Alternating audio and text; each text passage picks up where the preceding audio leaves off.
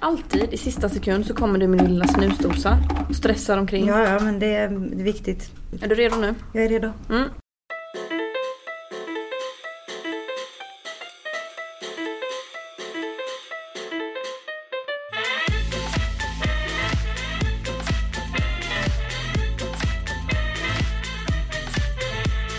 Tjena hej och välkomna till ett nytt avsnitt av eh, The Fucking Generation. Eh, idag har vi med oss en väldigt rolig gäst som vi ska presentera om en liten stund. Eh, men först och främst så är ju jag och Alexander här som ni kanske hör.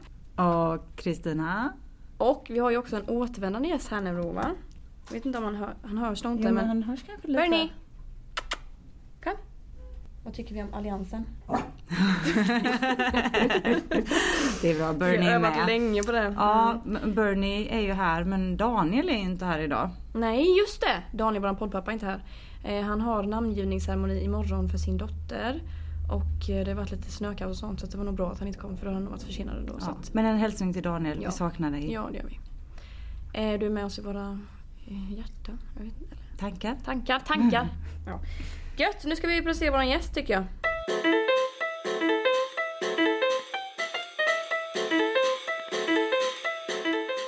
Hello, eh, Danny Mattsson. Hallå, hallå! Vem är du? Jag eh, är Danne Mattsson, jobbar på LO, eh, bor i Jönköping, eh, gillar att tycka saker och göra saker inom facket. Mm. Ja, du är ju lite av en chef skulle man kunna säga va? Ja, 100 procent. 100% chef. Ja. Du är LOs yngsta chef till och med. Ja, Ja. dessutom. Hur känns det? Det känns bra. Gör det? Ja, Än så länge. än så länge Än så känns det länge. bra. Har du tänkt mycket på det? Nej, jag är ju jag. Eh, Eller och då reflekterar man kanske inte så mycket över just att man är eh, yngst och så utan jag tänkte nog kanske mer på det nu när ni sa det. Mm. Just det. Men vi Ehm, tycker det är väldigt häftigt att du är en ung chef. Ja. Det är ju viktigt att vi har unga som är chefer också tycker jag. Mm. Eh, det för mig lite till frågan, hur länge har du varit chef? Eh, Jag har varit chef sedan jag började som ombudsman på LO. Eh, Jag jobbade en stund innan på LO. Jag började, började jobba lite med ungdomsfrågor. Lite med eh, försäkringsfrågor tillsammans med förtroendevalda ute på arbetsplatsen. Och så fick jag frågan om jag ville börja som ombudsman i Jönköpings län. Och det ville jag och det var i eh, 2012. Och nu är det 2018 så det var ju sex år sedan då var Ja, inte stämmer. jag helt... Ja. Vem, vem är liksom näst yngst då innan dig? Är det liksom...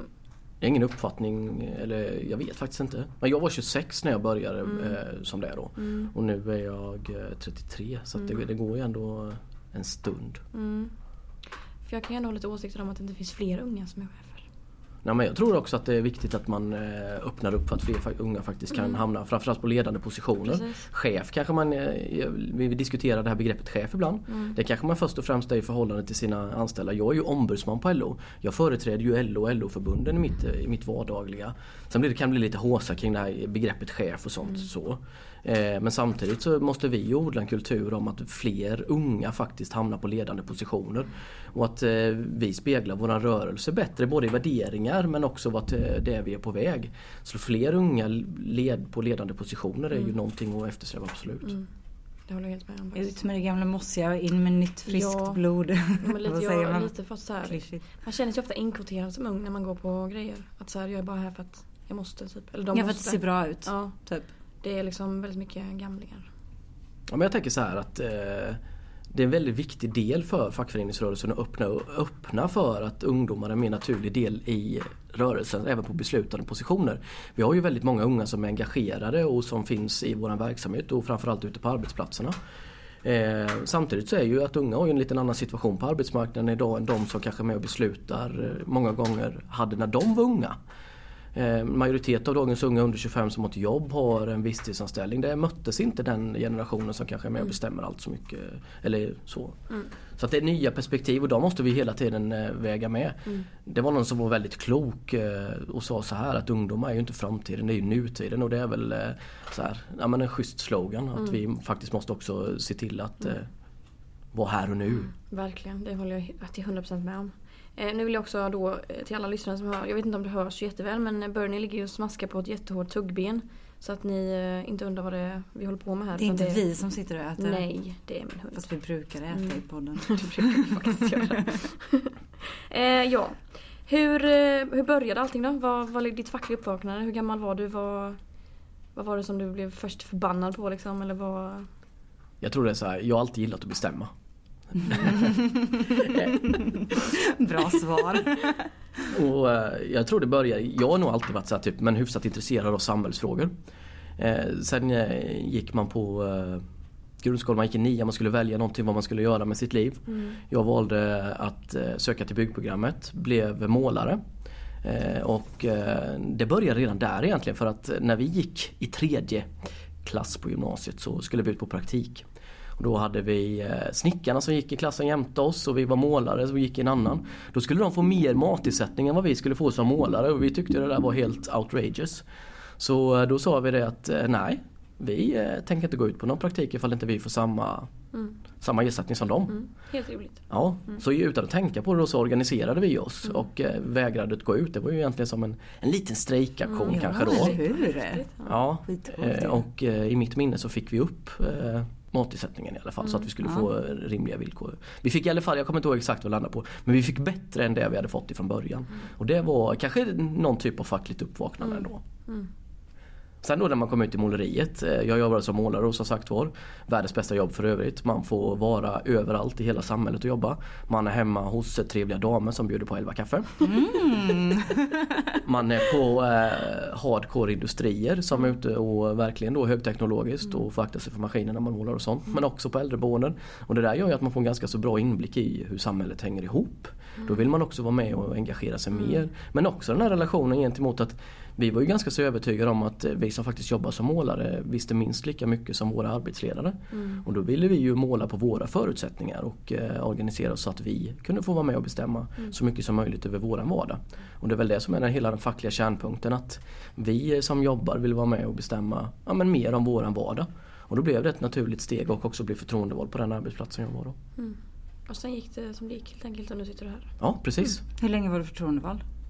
Eh, det började jag nog med, mm, ja, jag tror jag var 22-23 när jag blev förtroendevald.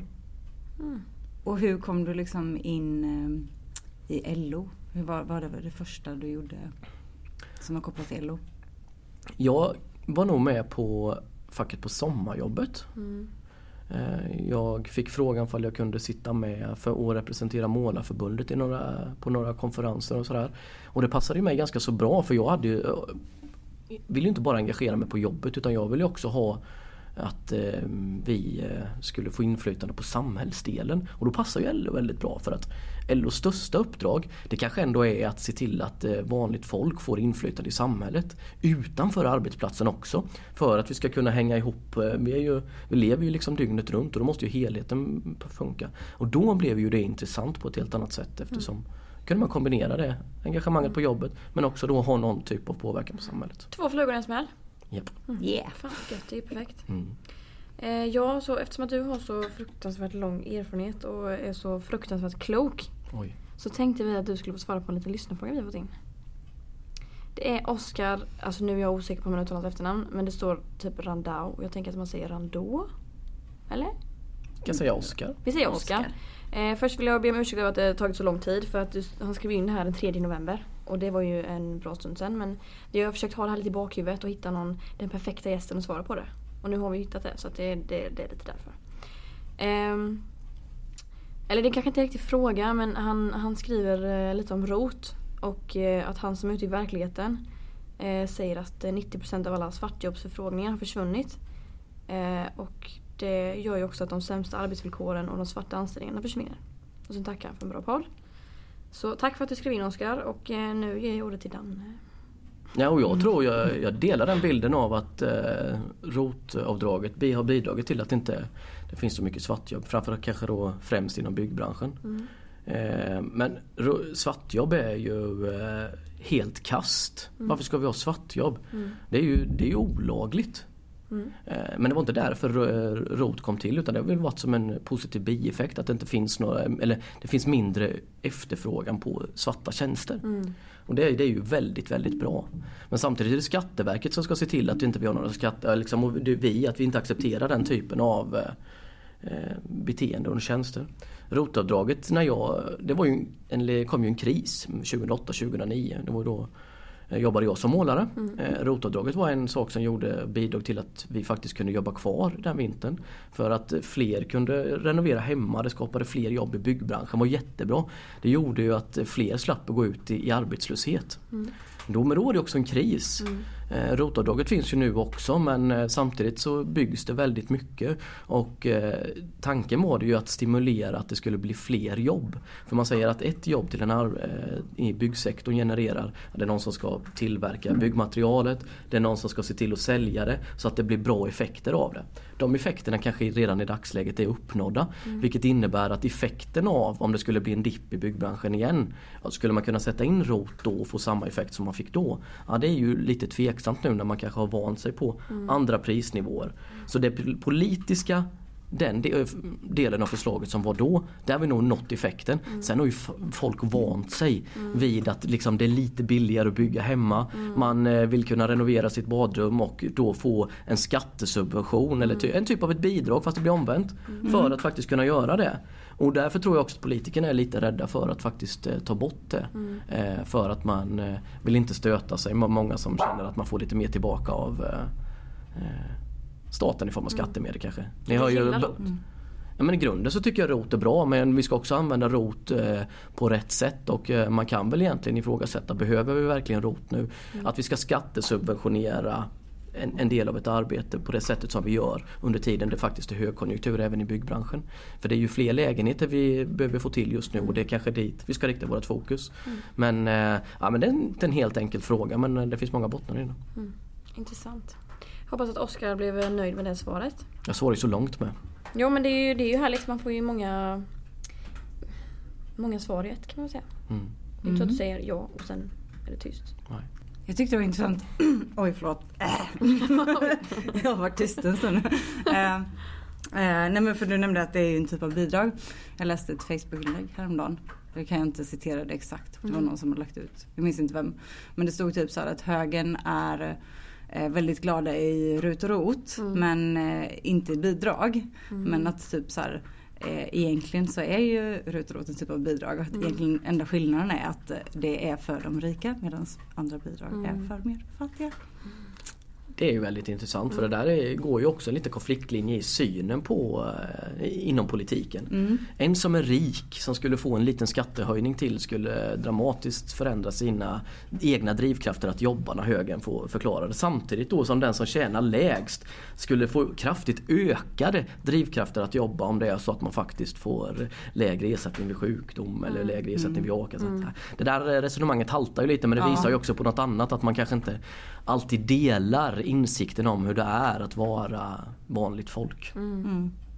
Du hade ju lite egna erfarenheter av uh, ungdomsverksamhet när du började. Mm. mm. Vad tänker du, hur tycker du att det har utvecklats under, uh, sen dess? Sen du var uh, aktiv i ungdomsverksamheten till hur den ser ut nu? Mm. Jag gillar ju tanken om att unga möter unga.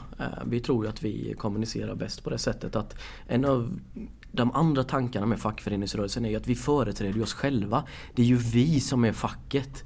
Eh, och då måste vi ju finnas på så många arenor som möjligt men också möta ungdomar där ungdomar finns men också ge utrymme för att man får göra det man själv tycker är både roligt och intressant då. Eh, och, där kanske vi har en bit kvar att vandra själv.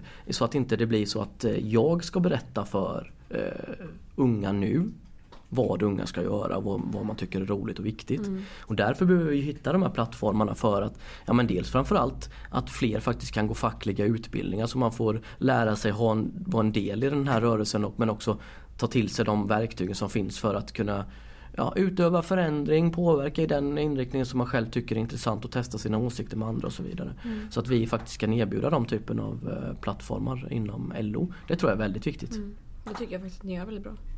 Tack. Varsågod. um, yes. Nu när LO har släppt sin eh, valplattform så har det blivit en hel del rabalder. Jag har sett väldigt många eh, inlägg från högern eller folk som eh, sympatiserar med liksom, alliansen att de ifrågasätter varför LO ska lägga sig i och vadå är LO ett parti nu och, och där det är liksom en eh, mutad, eh, ett mutat, alltså jag har sett så här riktigt grova grejer på Twitter, så här troll som har skrivit och jag blev så deprimerad att jag nästan eh, kastade mobilen i golvet typ. Men jag tänker så här, hur, hur ser ni på det? inom LO? Eller vad, hur skulle ni förklara varför finns LOs valplattform liksom? Vad...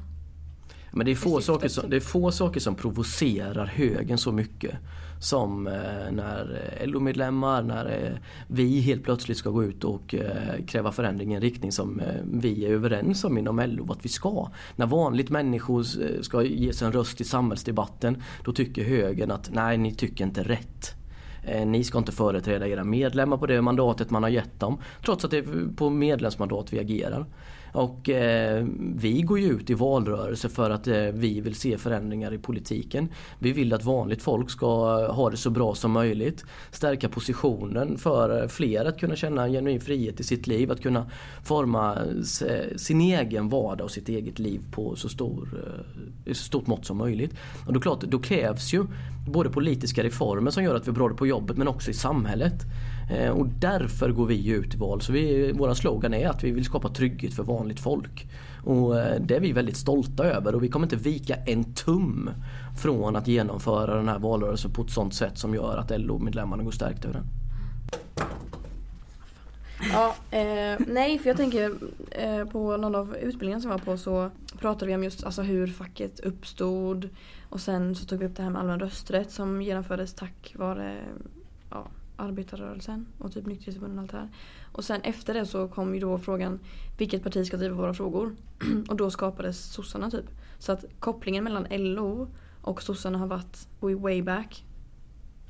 Ja, ibland beskriver man det som det är två grenar på samma träd. Att vi har en politisk gren inom arbetarrörelsen och det är partiet och den andra är fackföreningsrörelsen och det är därigenom som vi då bedriver våran politiska samverkan med. Och då ska man säga så här.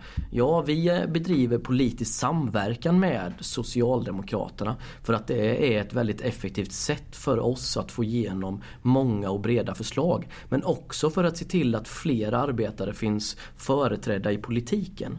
Och därför har vi ett samarbete så att vi kan slussa folk ifrån, ja men som vet hur det är att stå på en LO-arbetsplats men också är med och bestämmer i kommun, landsting och så vidare. Och så jobbar vi då med de förutsättningarna för att försöka få till att, nej men så här tycker vi, så här tycker våra medlemsgrupper. Det här måste vi göra politik av.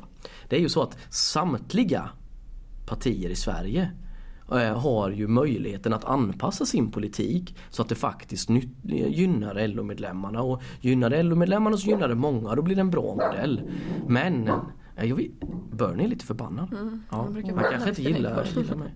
Nej, men, och då tänker jag så här att eh, det är ju någonting som är väldigt viktigt för oss att just utöva den typen av inflytande. Men att de andra har chansen att faktiskt fånga upp. Men jag kan säga så här att allianspartierna är väl inte så glada i alla förslag som LO faktiskt driver fram och då svarar man inte på det. Ja, nej men Men stämmer inte då att sossarna uppkom ur LO?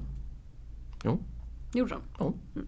Så att ifrågasätta eh, att LO skickar in pengar till sossarna det är som att ifrågasätta varför sossarna skickar pengar till SSU typ?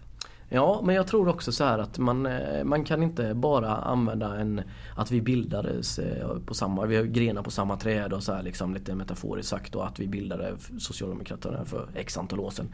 Det kan ju inte motivera att vi ska ha en samverkan idag utan den måste vi ju återvinna precis varje dag. För att finns det inget syfte med det då ska vi inte heller ha det. Men det finns både stöd inom eh, framförallt i LO-grupperna då, annars hade vi ju inte haft det men det är också ett väldigt effektivt sätt att se till att eh, ha den här länken mellan vanligt folk in i politiken men också framförallt en påverkan på politiken då, som bygger på att vi är med och formar den och inte bara sitter utanför och berättar för andra vad de ska göra. Mm. Ja, för att eh, Svenskt Näringsliv hade ju något litet utspel då va? Idag var det väl till och med. Där de tyckte att eh, det inte var rätt att facket blandade sig i politiken. Eller jag kommer inte riktigt ihåg hur de... Du läste väl lite mer om det där? Svenskt Näringsliv vill ju inte att eh, LO ska vara en så pass stark eh, kraft som vi är. Vår styrka är ju att vi finns ju på alla arbetsplatser. Mm. Och då vill de freda arbetsplatserna från att diskuteras politik på då. Eh, och då säger vi så här att nej, vi kommer ju såklart eh, prata om de frågorna som är viktiga för oss. Varför ska inte LO-medlemmarna få diskutera på arbetsplatserna mm. vad som faktiskt är viktigt för dem? Ska det stå eh, en chef, en arbetsgivare över att bevaka vad det är faktiskt vilka frågor man vill diskutera mm. själva? Mm. Ah, det där funkar inte så att eh, det kan de fetglömma. Mm. Fan heller säger vi. Mm. Ja verkligen. Sen tänker jag också så här. Det är svårt att inte eh, diskutera politik på våra arbetsplatser och som förtroendevalda när våra jobb har blivit politik. Ja, absolut. Så att... Och jag tänker så här att om det är någon som lyssnar på podden och ni märker att chefen försöker då lägga band på er när ni vill diskutera vad som är viktigt för er och sånt. eh, Hör av er eh, till eh, oss på LO så ska vi se ifall vi inte kan uppmärksamma det på något sätt. För vi har ju någonting som är väldigt fint här i Sverige och det är ju yttrandefrihet. Japp. Och så kan vi bara sätta en punkt där för att det är liksom Där är det argumentet sagt. Det är ju till och med en grundlag. Så Sug på den era... Nej, inte Där sätter jag lite stopp.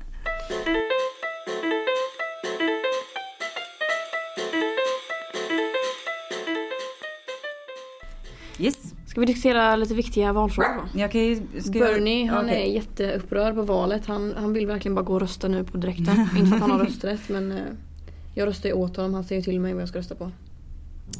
Ja precis. Eh, men vilken, vilken tycker du är den viktigaste valfrågan? Eller vad Eh, viktigast nej, men jag har ju en eh, hjärtefråga som jag känner att jag kanske delar med många ungdomar. Mm. Eh, som jag kan känna ibland att arbetarrörelsen halkar efter. Och det är att någonting som unga idag värderar väldigt högt är mer tid eh, där man inte jobbar. Alltså mer fritid. Mm. Mer tid med, med vänner, med familj.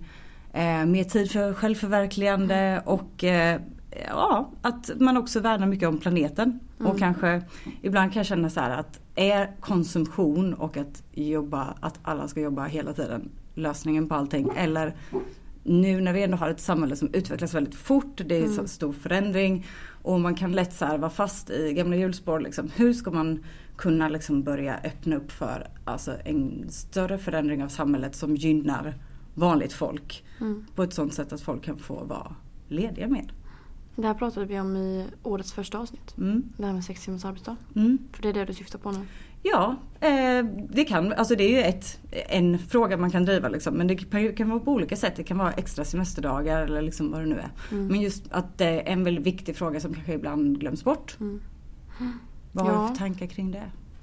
Nej, men jag har väl flera olika tankar kring det där egentligen. Att, eh, det, finns, det ser så väldigt olika ut i LOs branscher hur mycket man jobbar. En, en del kämpar ju med att komma upp i 100% att faktiskt då kunna Mm. jobba en Men heltid. det handlar ju mer om pengarna då. Kanske Ja. inte att man Ja, vill men jobba hela precis. tiden utan att man vill ha pengar Ja, men att om leva man, vill, på. man vill ha pengarna och en Mm. skälig lön för att kunna växla ut det.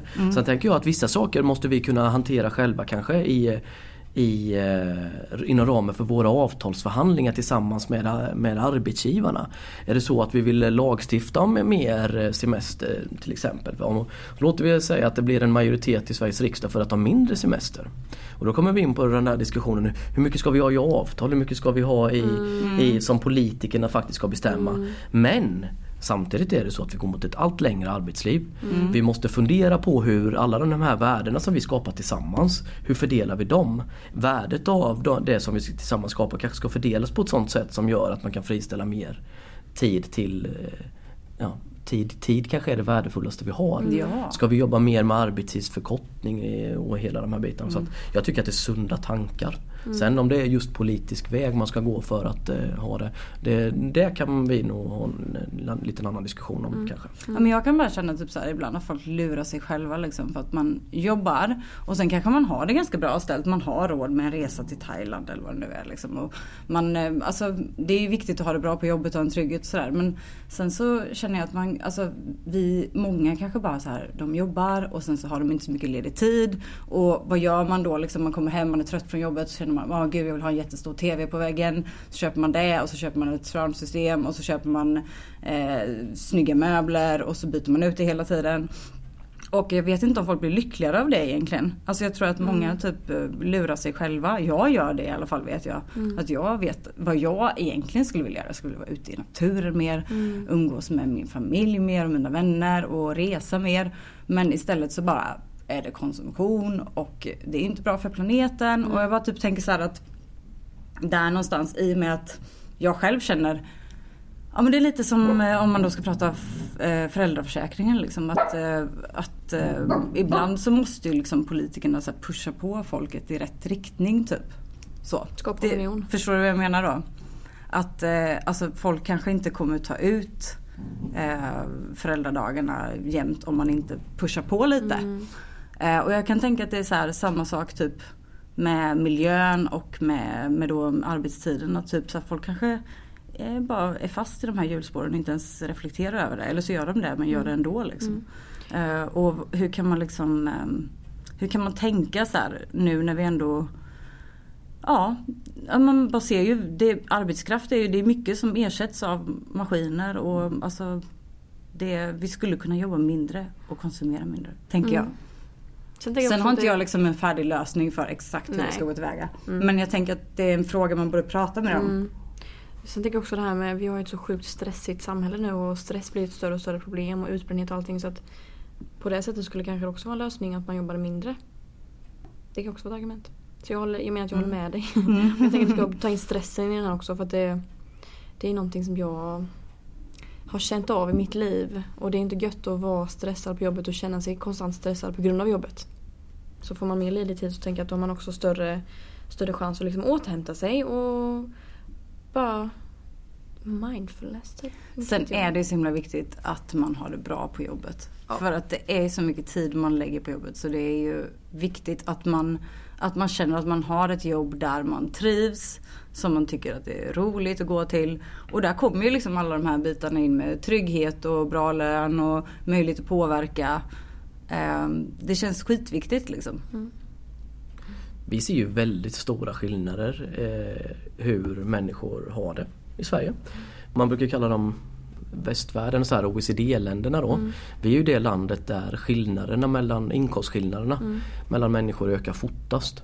Eh, och, och det där är ju en utveckling som gör att eh, nej, man får lite olika uppväxtvillkor beroende på hur mycket hur ens föräldrar har det. Det blir större skillnader mellan eh, hur vi hanterar saker. Vi gjorde en undersökning ganska så nyligen på hur, hur det såg ut med eh, fritids bland annat. Där det så var jätte, i de eh, områdena där man, då ska man säga så här, för att klara sig i skolan så behöver man ju ha stöttning på olika sätt. Eh, och därför är ju fritids en väldigt viktig del i att faktiskt också förbereda sig inför skolgången. Då såg vi att det var mer vanligt att i de områden där man tjänar mer, att man går mer på fritids. I de områdena där man tjänar då i genomsnitt lägre så går man inte lika mycket på fritids. Eh, Och de flesta barnen har det ju väldigt bra. Man är hemma med sina föräldrar kanske i de områdena men man möts inte på de gemensamma plattformarna som finns. Man träffar inte lika mycket pedagogisk personal vilket gör att starten i skolan blir väldigt stor skillnad och den där riskerar att halka med. Så ett av de förslagen som vi vill prata om i valrörelsen det är ju hur kan vi ge alla barn i praktiken samma chans så vi utjämnar de skillnaderna som finns så att fler faktiskt kan bli det man själv vill. Då kan ja, fritids vara en sån viktig del. Så allting som går ut på, som vi vill göra nu, det går egentligen ut på att minska klyftorna mellan folk och så att vanligt folk kan ha det så bra som möjligt. Och det är ju min hjärtefråga. Alltså de här klyftorna. Alltså vi kan inte, det här går inte. Vi kan inte ha det så här. Det pratade vi också om i det första, första avsnittet när vi pratade om klyftor. Eh, och Daniel tog upp det exemplet om Alltså om man tar tunnelbanan i Stockholm då. Eh, från det rikaste området till det typ mest segregerade. Och, så skiljer det 10 år, alltså i livstid. Ja, nej, jag tycker att det är så, det är så vidrigt att det här måste vi verkligen göra någonting åt. Punkt slut. Ja, och det är ju så att de bästa samhällena som finns i världen är också de som är mest jämlika. Då måste vi ju se till att backa upp en politik som gör att de faktiskt blir jämlika. För oss handlar ju, det är ju det vi menar när vi pratar om trygghet. Låt oss säga då att vi, eh, man jobba jobbar på en arbetsplats och helt plötsligt så tappar man en order. Det innebär att fem stycken på den arbetsplatsen kan inte jobba kvar. Ska det då vara kaos och att du behöver känna att du halverar din inkomst när du går ut i, i eh, arbetslöshet? Eller ska du kunna känna en trygghet i att nej men jag kan faktiskt vara arbetslös, få lite kompletterande utbildning och sen ta ett nytt jobb? Eller ska det vara fullständigt kaos så du ramlar ner, du får flytta hu- från hus och hem. Du, du går och oroar dig för framtiden och så här, ja, men då får vi inte en trygghet. Och då blir också framtiden farlig. Vi vill ju möta framtiden med en känsla av att ja, men den är positiv för oss. Vi kommer vara en del av den utvecklingen. Därför handlar det om kompetensutveckling på arbetsplatsen. Ge alla människor möjligheten att ta de jobben som finns. Ge människor praktiska möjligheter att känna trygghet när vi blickar mot framtiden. För att annars, då bygger vi in någonting som är väldigt farligt. För att trygghet kan ju inte vara bara för några få. Det måste ju vara för de allra flesta. Därför måste vi också ha en politik som gynnar många. Och här upplever vi ju att det finns en väldigt stor konfliktlinje inom politiken. Därför framförallt då på eh, högersidan, alliansen, högerpartierna, Sverigedemokraterna eh, vill eh, ha större skillnader mellan människor i sina livsvillkor. Där vi vill jämna ut dem då Mm. ifrån fackets sida sett och då känner vi att socialdemokratin eh, står för den politiken då eh, också för tryggheten när det handlar om framtiden. På vilket sätt visar det sig att, eh, att högerpartierna och Sverigedemokraterna Varje parti får väl svara för sitt egna men eh, vi ser ju på förslagen som Sverigedemokraterna lägger att de lägger förslag som är kraftigt till höger och det är ju ett rasistiskt parti med nazistiska nötter, så, rötter. De är, de är nötter. Ja, så, alltså, det var vi kallar för freudiansk felsägning. Ja. Åh gud vad härligt. Deras politik går, eh, slår ju väldigt väldigt hårt mot eh, LO-medlemmarna. Och vi ser ju det på så sätt att man, eh, man vill återinföra tidsgränsen hur länge man kan vara sjuk. Det vill säga så här att Ja. nej, men man bestämmer att här lägger vi, här, här startar du sjuk. Här stoppar du att du är slut sjuk. Sen är du inte sjuk längre. För du får inte ersättning från sjukersättning. Det där så kan vi inte ha det. Nej. Människor blir ju inte friskare av att man har satt upp en tidsgräns för hur länge man kan vara sjuk. Sen ska du bli ännu fattigare. Så kan man ju inte ha det och det visar ju då att man kanske inte förstår hur vanligt folk har det. Och att det då skapar en otrygghet i sig. Det gör ju att det är ett eh, högerparti i synen på vanligt folk. Jag tänker också det här med, eh, vad heter det? Det du pratar om nu med att man får bara vara sjuk ett visst antal dagar. Tänk om man då blir utbränd och sjukskriven. Och så får man veta att nu får du bara vara utbränd och vara sjukskriven och vila upp dig tills det här datumet. Nu ska man ju säga att det är ju ett förslag då som är, jo, som är jag lagt tänker ifrån. bara om man tänker hur det skulle bli i, i verkligheten.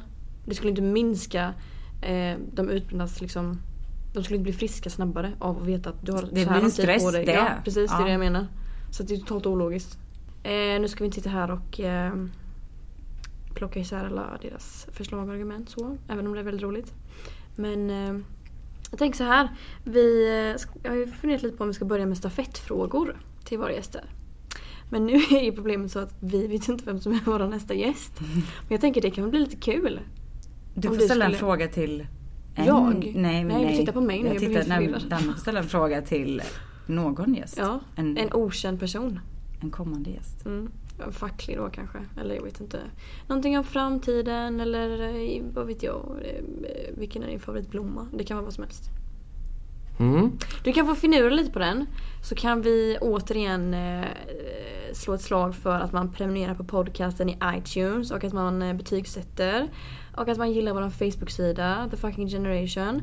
Plus att man skickar in meddelanden eh, antingen till mailen thefuckinggeneration.gmail.com eller på Facebook. Eh, som Oskar gjorde. Har du tänkt färdigt nu? Mm. Mm. Då vill jag ställa min stafettfråga på följande sätt. Mm. Eh, beskriv ditt drömsamhälle på två meningar. Oj! Den var Det svår. kan ju inte ens jag göra. Eller, eller vadå? Det är så skönt att få ställa frågor ibland och inte alltid. Men- Eller hur? Det var en bra fråga. Den var klurig. Ja det var den, verkligen. Och vi ska blicka lite framåt nu då. Vad, vad ser du mest fram emot det här året? Jag ser fram emot alla möten med eh, alla fantastiskt engagerade människor som jag har förmånen. Jag har världens bästa jobb. Jag umgås med människor som brinner för att föra samhället framåt och göra det till en lite, lite bättre plats med varje liten aktivitet man gör. Och träffa alla de eh, arbetarna som kommer bedriva det arbetet framåt. Det är den största energipåfyllningen som jag kan få. Det ser jag fram emot att ha många sådana möten under detta året. Det låter fantastiskt bra. Det gör vi Vi kan ju med. ha en till, eh, du får vara med på podden i december igen kanske så ska vi se vad du säger då. Japp. Om du har lyckats så uppnå eller om du känner att du var nöjd med alla möten och ja. Har du något mer att säga? Eh, nej. Kristina ser helt bortblåst ut bara tittar jag på helt. Ja, Men du vet jag har tagit helg nu. Ja, Det är faktiskt fredag Mm. och ja, jag slutade för två timmar sedan. Nej en timme sedan. En timme sedan slutade inte- Tack för att ni har lyssnat. Eh, glöm inte det som jag sa innan om eh, hör av er. Kanske tog lite fel ordning idag. Men eh, ja, hör av er om ni har några frågor. Eh, tack för att ni har lyssnat och eh, vi hörs snart igen. Ha det bäst! Hej då! Hej! Hej.